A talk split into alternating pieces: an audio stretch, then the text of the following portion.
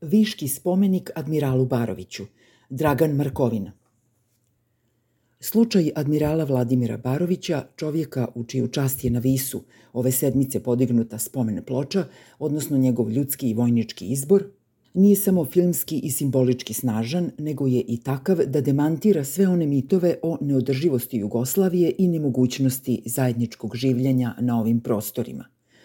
Stoga su za ovu priču nebitni politički govori i zajedničke izjave hrvatskih i crnogorskih ministara, koje smo tom prilikom čuli, jednako kao i sve drugo vezano za službene historiografije na ovim prostorima.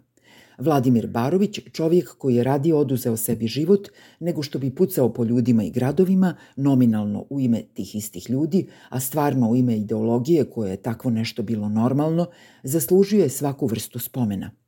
Za one koji ne znaju ništa o Baroviću, a takvih među čitateljima Peščanika nema puno, ako ih ima uopće, za razliku od ljudi u ovdašnjim društvima generalno, Riječ je o čovjeku koji je nakon što je bio zapovjednik vojno-pomorske oblasti u Boki prebačen na mjesto zapovjednika u Puli kada je izjavio da tu neće biti razaranja dok je on zapovjednik, a ako ga i bude, njega više neće biti jer crnogorci ne mogu pucati po narodu koji im ništa nije skrivio. No, dok je u Puli uspio spriječiti razaranje, bilo mu je jasno da je u Dalmaciji to nemoguće, nakon čega se prvoga dana po preuzimanju komande nad vojno-pomorskom oblasti Split ubio na Visu.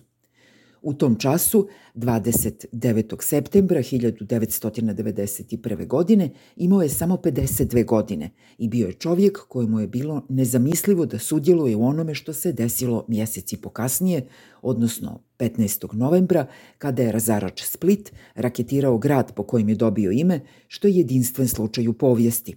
usmrtivši dvojicu pomoraca strajkta Vladimir Nazor.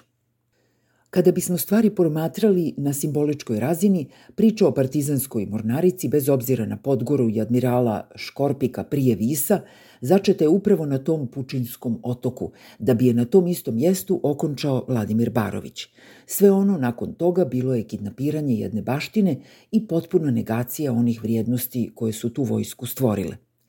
I tu dolazimo do razloga zbog kojih je Barović ili potpuno skrajnut i prešućen ili se o njemu nešto zna, ali na razini jednog marginalca u priči o raspadu Jugoslavije i ratovima koji su slijedili.